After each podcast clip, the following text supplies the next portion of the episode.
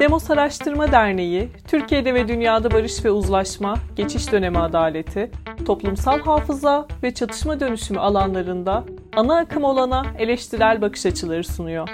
Demos'tan sesleri Spotify, Apple Podcast ve diğer podcast platformlarından dinleyebilirsiniz. Demos'tan seslerden merhaba ben Güley. Ee, bugün Demos'un uzun süreli gönüllüsü ve Çiçeği Burnunda proje asistanı Mertcan bana eşlik ediyor. Selam aşkım, hoş geldin. Hoş buldum aşkım, selam. Demos'tan seslerdeki ilk podcast kaydım olacak, çok heyecanlıyım.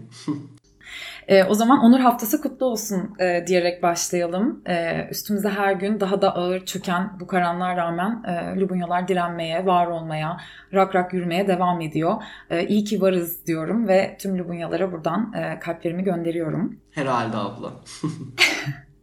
Geçiş Dönemi Adaleti serisinin Onur Haftası'na özel bu bölümünde geçmişle yüzleşme ve LGBT artılar üzerine konuşacağız. E, gönül isterdi ki tabii daha gullüm şeyler konuşalım e, Onur Haftası için ama bu ara özellikle e, ana muhalefet partisi liderinin helalleşme çıkışıyla alevlenen bir e, geçmişle yüzleşme tartışması da e, ara ara e, yaşanıyor ve LGBT artılar bu süreçlerin neresinde olacak diye de bir e, tartışma var. O yüzden e, demos olarak bu bölümü buna ayıralım istedik. E, süre kısıtından ötürü işte geçiş dönemi adaleti nedir, geçmişte yüzleşme nedir, e, işte toplumsal cinsiyet ve geçiş dönemi adaleti gibi e, temel kavramları ve tartışmaları burada tekrarlamayacağız. E, burada direkt konuya dalacağız. Lubunyalar geçmişte yüzleşme deneyimlerinin neresinde e, bunu konuşacağız. Ama öncesinde hafıza tazelemek isteyenler olursa e, bu bölümden önce e, bir de geçiş dönemi adaleti serisinin Eylül 2020 ve Mart 2021'de yayınlanan bölümlerini dinleyebilirler. E, ve yine e, o bölümlerde de olduğu gibi e, burada da bugün de e, cinsel şiddet dahil olmak üzere ağır insan hakları ihlallerinden söz edeceğimizi e, hatırlatarak başlayalım. Evet Mertcan'cığım bize e, hareketten haber ver. L'lerin gündemi nedir? Nasıl? evet bu ara geçmişle yüzleşme meselesi çok hareketli. LGBT artıların geçiş dönemi adaleti ve barış süreçlerindeki rolleri, talepleri de konuşuluyor. Bence önemli bir dönüm noktası Demos'un da örgütlenenlerinden olduğu Hakikat, Eşitlik ve Adalet için buradayız başlıklı metne LGBT artı örgütlerinde katkı sunması, imza atması ve geçmişle yüzleşmekte kararlıysanız süreci birlikte inşa etmeye hazırız demesiydi. LGBT artılar ve barış, barış ilişkisi giderek daha çok konuşulmaya başlıyor. Benim şu an Demos'ta üzerine çalıştığım projede kadın, LGBT artı ve gençlerin barış süreçlerine katılımının desteklenmesi üzerine.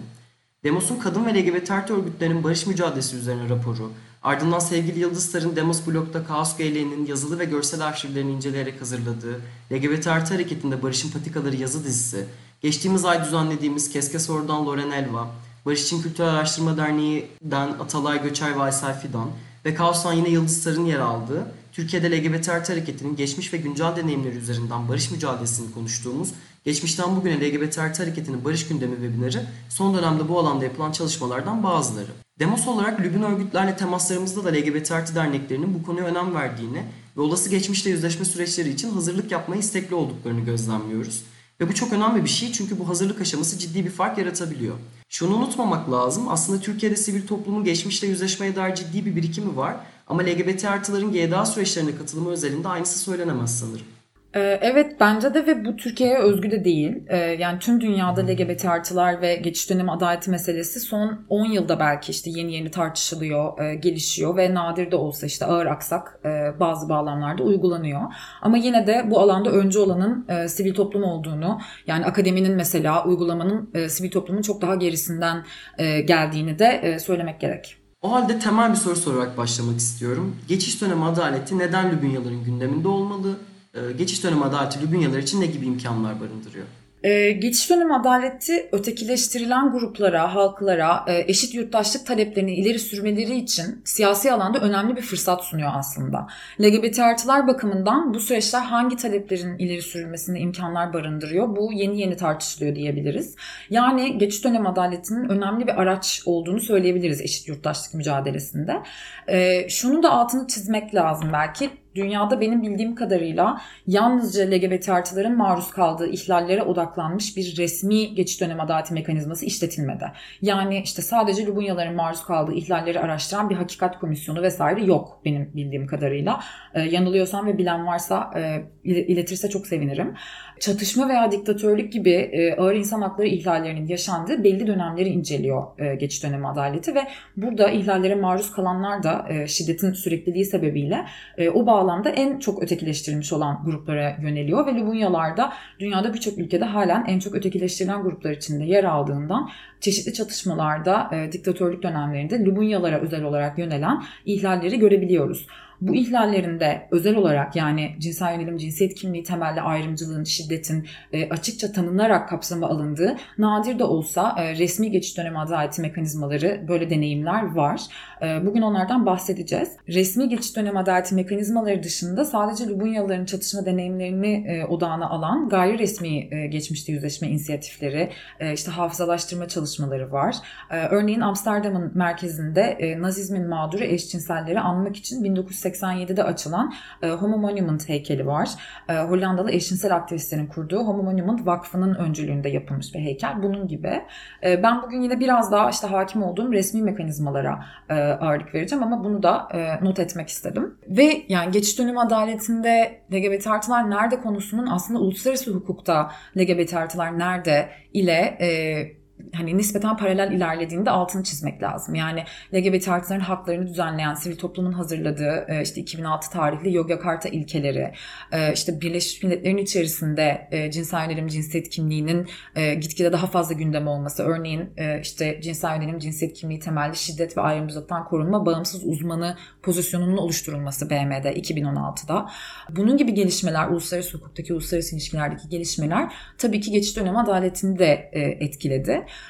Bir yandan da geçiş dönemi adaletiyle e, bir hani queer ilişkilenmeler diyeceğim işte biraz daha akademi tarafında, sivil toplum tarafında da böyle şeyler gördük. Örneğin geçiş dönemi adaletindeki o ikiliklerin sorgulanması, bu işte feministlerin de geçiş dönemi adaletine çalışmalarında çok sık gördüğümüz bir şey. İşte savaş barış ikiliği gibi, mağdur fail ikiliği gibi ya da işte çatışma çatışma sonrası dönem. E tabi burada e, cinsiyet ikiliği de bunların başlarında gelen şeylerden biri. Bunu sorgulaması ve işte cis normativite, heteronormativite bunları sorgulaması. Kimler görünmüyor geçiş dönemi adaleti içerisinde diye sorması. Kimlerin mağduriyeti tanınmıyor, kimlerin hakkı verilmiyor. İşte barış inşacısı veya karar alıcı olarak kimler ortada yok. Mesela BM'nin Güvenlik Konseyi'nin e, kadın barış güvenlik kararlarında LGBT artılar tanınmıyor. Daha önce de buna dair bir iki bölüm yapmıştık. Bu nedenle de örneğin e, Lubunyalara yönelik ihlallere dair veri toplanmıyor. Görünmez orada e, Lubunyalar. Çünkü zarar yeterince belgelenmiyor ve e, bence bu çok önemli bir nokta. Yani hala dünyada pek çok çatışmada LGBT artılar nerede bilmiyoruz. Çünkü elimizde e, veri yok. Evet kesinlikle. Bu konuda Türkiye'de de önemli bir bilgi eksikliği var. Webinarda Atalay Vaysel yakınlarda yayınlanacak olan e, ve 2013-2018 yılları arasında Diyarbakır'da yaşayan LGBT artılara odaklanan yakın geçmişten olası geleceğe barışı yaşartmak raporunun bulgularını anlattılar. Bu rapor Kürt sorunu bağlamında LGBT artıların çatışma deneyimlerini merkeze alan ilk ve tek çalışma bildiğim kadarıyla. Daha önce Demos Blog'da da bu araştırmaya dayanarak bir blog yazısı yazmışlardı. İlgilenenlere tavsiye ederim. Ee, evet onu da muhakkak açıklamaya e, linkleriz. Hı hı. E, ben de bu ilk çalışma diye biliyorum ve Keske Sorun, Aysel ile Atalay'ın çok emek verdiği bir çalışma. E, henüz yayınlanmadı ama çok yakında yayınlanacak. Ben önden okuma şansına eriştim e, arkadaşlar sağ olsun. Kısacık değinmek gerekirse 75 kişiyle yaptıkları e, görüşmelere dayanan bir araştırma ve detaylı demografik verinin yanı sıra işte adalete ve sağlığa erişim, siyasete katılım, eğitim, çalışma ve aile hayatında ayrımcılık, bu ayrımcılıkla baş etme yöntemlerini e, ele alıyor. Ve e, savaş döneminde LGBT artılara yönelik ayrımcılığın her alanda katlandığını ortaya koyuyor. Rapordan hem şiddetin sürekliliğini görüyoruz yani çatışmasızlık dönemlerinde de devam ettiğini ama e, çatışmanın bu eşitsizlikleri derinleştirdiğini e, ve bununla bağlantılı olarak şiddetin arttığını da e, anlıyoruz. E, çok önemli bir çalışma. Umarım e, bunun gibi çalışmalar artar ve e, bu alandaki veri eksikliğini işte olası bir geçmişte yüzleşme sürecinden evvel kısmen de olsa gidermiş oluruz. Umarım gerçekten çünkü bu veri eksikliği süreçlerde de görünmezliğe yol açıyor ve LGBT artılara karşı ihlaller tanınmıyor. Peki biraz dünyada Lübunyalar somut olarak GDA süreçlerinde neredeler? Bundan bahseder misin? Bu ihlaller tanınıyor mu, yargılanıyor mu? Ne durumdayız Lübunya? ağırlıklı olarak Latin Amerika'da bahse değer örnekler görüyoruz. Ee, örneğin e, Peru Hakikat ve Uzlaşma Komisyonu 2001-2003 yılları arasında e, faaliyet gösterdi ve 1980-2000 arasında yaşanan silahlı çatışmanın sebeplerini ve sonuçlarını araştırmakla görevlendirilmişti. Ve birçok insan hakları ihlali belgeledi. İşte kaçırmalar, işkence, zorla kaybetme, suikastlar ve cinsel şiddet gibi 17 bin e, tane mülakat gerçekleştirdi. Kamuya açık duruşmalar yaptı. İşte dava dosyaları hazırladı ve bir final raporu hazırladı e, hakikat komisyonlarının yaptığı gibi ve burada kurumsal reforma ve onarıma dair de e, öneriler iletti. Bu e, raporun içerisinde maalesef ki e, eşcinsellere ve translara hem devlet e, aktörleri hem de devlet dışı e, aktörler tarafından, silahlı aktörler tarafından e, işlenen ihlaller e, çok ufak bir not olarak e, yer aldı maalesef. Halbuki komisyon içerisinde bu konu e, geniş bir şekilde tartışılmış ve e, hem komisyon tarafından hem de e, işte insan hakları e, savunucuları tarafından, sivil toplum tarafından bu meselenin çok önemli olduğu tartışılmış fakat e, bunun neticesinde herhangi bir sonuç e, elde edilememiş. Ee, Ekvador'a baktığımızda da Ekvador'daki Hakikat Komisyonu 2008-2009 yılları arasında faaliyet gösterdi ve 84-2008 e, yılları arasındaki insan hakları ihlalleri ve e, cezasızlıkla ilgili bir araştırma yapmak için görevlendirilmişti. Ve bu, bu kapsamda e, LGBT artılara yönelik insan hakları ihlallerini de araştırdı ve hatta işte odak grupları derinlemesine mülakatlar gerçekleştirdi LGBT artı aktivistlerle. 1997'ye kadar Ekvador'da eşcinsellik kriminalize edilmişti ve e, onların ceza kanunu uyarınca 4 ila 8 yıllık bir hapis cezası öngörülüyordu. E, bu 97'de kaldırılmış ve 98'de de anayasal eşitlik tanınmış e, LGBT artılar için ama bunun pratikte e, aslında eşitlik, işte ayrımcılıktan korunma, şiddetten korunma gibi günlük deneyimlere e, yansımadığı da e, not ediliyor. E, komisyonun araştırması kapsamında özellikle de e, Guayaquil Belediyesi diyen bir yerel yönetimin e, daha fazla güvenlik planı 2000 yılında uygulanmış bir plan. Bu özellikle e, araştırılmış. Çünkü bu plan e, kapsamında özellikle e, LGBT artıları yönelik e, işte e, gözaltı, keyfi gözaltılar, işkence, kötü muamele gibi e, devlet etkilerinin, güvenlik güçlerinin e, bu tür insan hakları ihlalleri belgelenmiş ve bunu da komisyon araştırmasının içerisine e, dahil ederek cezasızlıkla e, ilgili bir takım e, çıkarımlarda da bulunmuş. Buradan belki en hani umut verici örnek olan Kolombiya'ya baktığımızda da e, Kolombiya'nın Mağdurlar ve Toprakların İadesi Kanunu 2011 tarihli mağdurlar birimini özel olarak e, cinsel yönelim ve cinsiyet kimliğini de tanıyacak şekilde mağdurlara destek vermekle e, görevlendirdi. Ve bu desteğin içerisinde işte e, hani psikososyal destek gibi şeylerin yanı sıra buralara yönlendirmek, bu hizmetleri yönlendirmenin yanı sıra e, örneğin işte onarım e, ile ilgili başvuruları almak gibi bazı görevler de var. E, ve bu mağdurlar kanunu kapsamında bir tarihi hafıza merkezi e, kuruldu. Aslında daha sonra tartışmalı bir organa da dönüştü. Buna dair Serhat Tutkal'ın yine Demos Blog'da e, yazısı vardı. Bunu da e, linkleriz açıklamaya. E, ama bu tarihi hafıza merkezi uzun bir süre gerçekten çok e, önemli bir takım hafıza çalışmaları e, yaptı. Örneğin 2015'te e, yani çığır açan bir çalışma doğrudan LGBT artıların çatışma deneyimlerine odaklanan bir yayın yaptı. E, farklılığın yok edilmesi, lezbiyenler, gayler, biseksüeller ve translar ile Kolombiya'daki silahlı çatışma başlıklı bir kitap yayınladı. Ve e, çatışmadan etkilenmiş olan LGBT artılarla yapılmış mülakatlara, atölyelere e, dayanan aynı zamanda alanda var olan bilgiyi de e, toparlayan çok önemli bir e, çalışma. Ee, yine Kolombiya'da işte silahlı çatışma sırasındaki ihlalleri yargılayacak bir özel mahkeme kuruldu. Ee, Barış için özel yargı e, isminde. Buna dair hatta Onur Bakıner'in de e, Hafıza Merkezi'ne yayınlanmış bir yazısı var. Onu da e, açıklamaya ekleriz. Ve bu barış için özel yargıya, bu mahkemeye e, iki tane LGBT artı örgütü, Caribe Afirmativo e, ve Colombia Diversa raporlar sundu LGBT artıların e, silahlı çatışmadaki deneyimlerine ilişkin. 2019'da e, bu raporların sunulması e, dünyada ilk kez geçiş dönem adaleti mekanizması olarak kurulmuş bir mahkemeye e, bu raporların sunulduğu örnek olmuş diye okudum. Herhalde doğrudur diye düşünüyorum ve Hakikat Komisyonu kapsamında kurulan bir toplumsal cinsiyet grubu da var. Ve yine Caribe Afirmativo ve Colombia Diversa e, bu komisyona da birer rapor sundu. Zannediyorum bu da ilk kez LGBT artı örgütleri tarafından Hakikat Komisyonu'na e, sunulan e, ilk rapor. Ve bu iki örgüt aynı zamanda bu toplumsal cinsiyet grubunun içerisindeki teknik destek grubunun bir parçası, bir üyesi. Ve LGBT artılara yönelik ihlallerin tekrarlanmamasına dair nasıl yani ne yapmalıyız e, işte buna dair teknik metodolojik tartışma tartışmaları yapan e, grubun parçası e, bu iki örgütte.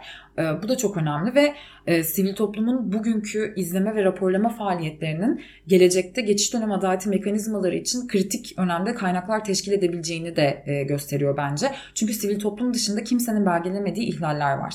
Yani bu bakımdan işte örneğin demin bahsettiğim Keskesor çalışması Türkiye'de gelecekte kurulabilecek bir hakikat komisyonunun çalışmalarına kaynaklık edebilir. E, ve geçiş dönem adaleti süreçlerine hazırlıklı olmak bu bakımdan da e, önemli. Bugünkü izleme raporlama çalışmaları için e, bunu akılda tutarak yani gelecekte böyle bir süreç olabilir diyerek raporlama yapılabilir. Örneğin e, işte ihlal ve zararın yanı sıra onarım taleplerini de belgelemek. Yani hayatta kalanın istediği özür, tazminat, psikososyal destek vesaire her neyse Buna dair bir veri toplamak e, ileride bir onarım programının e, tasarlanmasında da çok önemli bir veri teşkil edebilir. Nitekim demos olarak çalışmalarımızda sivil toplumun geçmişle yüzleşme süreçlerindeki rolünün ne kadar önemli olduğunu altını sıklıkla çiziyoruz. Ee, Türkiye helalleşmeyi tartışırken yazı sen de bunu yazmıştın Güle. Hakikat, eşitlik, adalet metni de bunu vurguluyordu.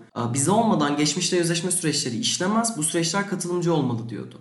Peki bu noktada şöyle bir soru sormak istiyorum. LGBT artılar bakımından geçiş dönemi adaleti süreçlerinde katılımcılık üzerine ne söyleyebiliriz? Ee, geçiş dönemi adaleti süreçlerinin aşağıdan yukarı olması e, çok önemli. Yani Lubun öznelerin örgütlerini söz söylemesi, e, etkili bir biçimde bu sürecin bir parçası olması ve daha önce başka bölümlerde de aslında katılıma dair çokça konuşmuştuk. E, Lubunyalar bakımından şu da var. Ancak bence bizlerin katılımıyla bu sürece bir geçiş dönem adaleti mekanizması yereldeki çeşitliliği tam olarak tanıyabilir. Aksi türlü yani tepeden inme bir şekilde olursa bir LGBT artı nosyonu dahil edilse dahi o sürecin e, içerisine o mekanizma heterojen bir LGBT artı kimliği dayatabilir. LGBT artı haklarını işte bu batı istisnailiği üzerinden işte gelişmiş medeniyetlerle barbar 3. dünya ülkelerini ayıran e, böyle kolonyal bir yaklaşımla değil de kendi gerçekliğimizle e, aşağıdan yukarı e, yani Lubunyalığın e, tam da işte bizim olduğu, buranın e, yerlisi olduğu, buranın e, hani her zaman olmuş olan, her zaman burada yaşamış olan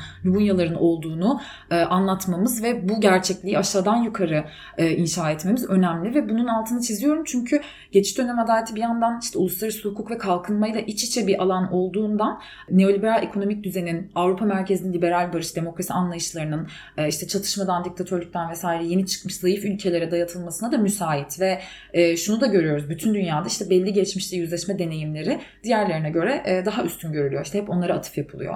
İşte örneğin Güney Afrika'nın Hakikat Komisyonu mesela. Ee, bunu özellikle vurgulamak lazım. Çünkü ileride bir gün Türkiye'de bir geçiş dönemi adaleti süreci olursa orada da bunu göreceğiz. Yani çok sayıda işte Batılı Uluslararası Örgüt'ün, STK'nın bu sürece katkı sunmak üzere Türkiye'de çalışmaya başlayacağını öngörebiliriz. Bu yani birçok bağlamda böyle ve bu kötü bir şey değil tabii ki. Ee, bu örgütlerin çeşitli ülkelerde karşılaştırmaları, deneyimleri var, geniş ağları var, uzmanlıkları var ve tabii bizim yerelde sahip olmadığımız kaynakları da var. Ve bu nedenle de bu ortaklıklar önemli ama onların taşıdığı işte farklı deneyimlerin e, bize dayatılmadığından ve bizim kendi ihtiyacımıza uygun bir mekanizmalar ve süreçler bütünü tasarlamaya alanımız olduğundan da e, emin olmamız lazım. Aşağıdan yukarıya geçiş dönemi adaleti üzerine Nisan'ın Demos blogda yayınlanan nasıl bir geçiş dönemi adaleti hayal ediyoruz e, yazısına da bakabilirsiniz. Onun linkini de yine açıklamaya ekleriz. Çok haklısın gerçekten ama bahsettiğin dünya örneklerinde bir sürü olumlu gelişmenin olduğu Kolombiya'da bile hala fobik şiddet, ayrımcılık ve nefret cinayetleri devam ediyor. Örneğin pandeminin ayrımcılığı derinleştirmesinin etkisiyle 2020'de 76 nefret cinayeti raporladı Caribe Afirmativo. Yani geçiş dönemi adalet süreçlerinin varlığı ve Lübünya kapsayıcılığı tek başına çözüm değil. GDA bir araç dediğin gibi ve birçok başka aracın yanında kullanabileceğimiz bir araç. Evet öyle ve geçiş dönem adaleti her şeyi düzeltmeyeceği gibi geçiş dönem adaletinin içerisinde de hiçbir zaman her şey e, iyi olmayacak. Yani eksik olacağını bilerek ama her deneyimle e, Lubunyaların geçiş dönem adaleti süreçlerine katılımı ve eşit yurttaşlık talebinde bir adım daha ileri atacağını bilerek mücadele etmek gerekiyor. Çünkü bu işte yani genel ahlak vesaire gibi yani bu tür dayatmalar tabii ki geçiş dönem adaleti süreçlerinde de e, oluyor. Yani toplumun genelinde olan bugünkü eşitsizliklerden e, arındırılmış geçiş dönem adaleti deneyimi yaşanmıyor. Geçiş dönemi adaleti bir siyasi fırsat sunuyor dedik ötekileştirilen gruplara taleplerini iletmeleri için. Bu fırsat ortaya çıkıyor çünkü o sırada devlet bir meşruiyet krizi yaşıyor ve e, devlet homofobisiyle o işte fırsatın içinde barındırdığı bir de böyle özgürlükçü bir taraf ve bunlar aynı anda var olabiliyorlar. E, bu dinamiklerin bir örneğini örneğin işte Kolombiya'da e, görüyoruz. Ee, bir yandan işte muhafazakar dini ve siyasi figürler barış anlaşması sırasında kadın ve LGBT artı haklarındaki e, gelişmeleri işte aileye tehdit olarak görüyorlar. Yani aynı işte toplumsal cinsiyet ideolojisi argümanlarını mesela Kolombiya'da da görüyoruz.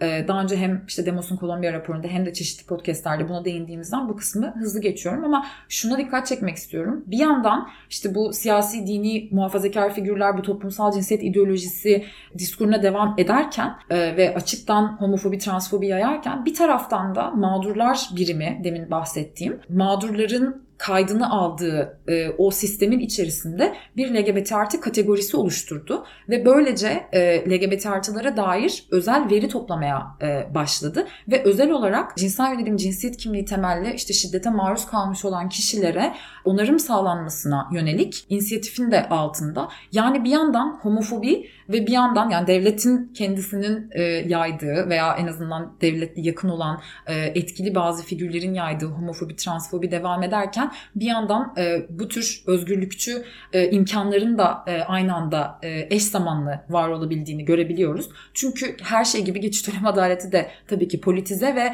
o meşruiyet krizi içerisinde işte bu tür kararlar e, politik söylemin ve destek toplamanın çeşitli kanatlardan bir parçası haline geliyor.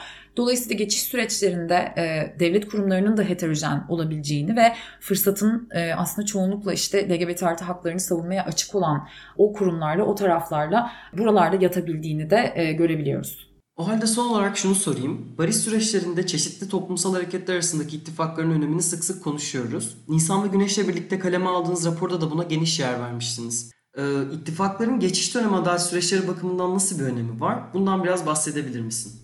E, geçiş dönem adaleti en çok ötekileştirilen gruplara yönelen şiddetle yüzleşmeye e, aracı olmaya çalışıyor dedik. Yani LGBT artılar tek değil, birden fazla gruptan söz ediyoruz ve ittifakların önemi de burada ortaya çıkıyor bence. Yani mağdurlar arası hiyerarşi ve hatta rekabet e, geçiş dönemindeki bağlamlarda maalesef sık gördüğümüz bir şey ve bu uzun vadede geçiş dönem adaletinin amaçlarına ulaşmasını dahi e, engelleyebilecek, e, işte gruplar arası tarihsel gerginlikleri derinleştirebilecek seviyede e, önemli bir tehdit. E, ve bunun farkında olmak gerek diye düşünüyorum. Mağdurlar arası rekabetten fayda sağlayanlar mutlaka vardır ama mağdur gruplarının hiçbir fayda görmediği kesin en azından uzun vadede. Çünkü polarizasyonu e, artırıyor. Birlikte işte barış içinde yaşam ihtimalini baltalıyor ve bu da ihlallerin tekrarlanmasının önünü açıyor aslında. Ee, ve bunun önüne işte bu güç ve sömürü sistemlerinin birbirlerinden ayrı olmadığının farkında olarak, e, ittifaklar kurarak, kimseyi arkada bırakmadan, birlikte ses çıkararak geçmek mümkün diye düşünüyorum. Ee, işte Kolombiya'da kadın ve LGBT artı örgütlerinin barış anlaşmasının müzakerelerindeki ortak mücadelesi, kazanımları defalarca vermiştik yayınlarda ve podcastlerde e, bunun örneğini. Türkiye'de de e, olası bir süreçte feminist ve LGBT artı hareketlerin birbirleriyle yakın temas içerisinde çalışması, taleplerde ortaklaşması e, çok önemli olacak gibi gözüküyor. İşte çözüm sürecindeki ittifakları, kazanımları e, geçtiğimiz Eylül yayınladığımız e, raporda da bahsetmiştik bunlardan. İstanbul Sözleşmesi için mücadele de bence buna dair bir deneyim oldu. Yani iyisiyle kötüsüyle bazısının öz eleştirisi de verildi. Buradan da bir şeyler öğrenmek ve e, bunu olası barış veya geçmişte yüzleşme deneyimleri için e, akılda tutmak lazım diye düşünüyorum. Evet sana katılıyorum. E, dilersen burada bitirelim ve toplumsal barışın tesis edildiği, bütün kimliklerin eşitlik içinde yaşadığı bir toplum hayaliyle Onur Haftası kutlu olsun diyelim. Diyelim. Dinlediğiniz için çok teşekkürler ve Mertcan'cığım bana bu bölüm eşlik ettiğin için de sana teşekkürler bebeğim. Onur Haftası kutlu olsun. Hoşçakalın. Hakkımızda ne düşündüğünüzü merak ediyoruz. Demos'tan sesleri üye olmayı, puan vermeyi, yorum ve önerilerinizi bizimle sosyal medya hesaplarımız üzerinden paylaşmayı unutmayın.